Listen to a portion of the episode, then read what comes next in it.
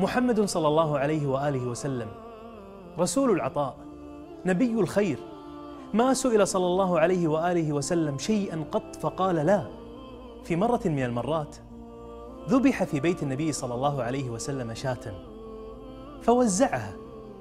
فسأل النبي صلى الله عليه وآله وسلم أم المؤمنين عائشة رضي الله عنها. فقال لها ما بقي منها؟ أي من الشاة ومن لحمها؟ قالت ما بقي منها يا رسول الله إلا كتفها. قال صلى الله عليه وآله وسلم بقي كلها غير كتفها. هذه هي نظرة المعطي.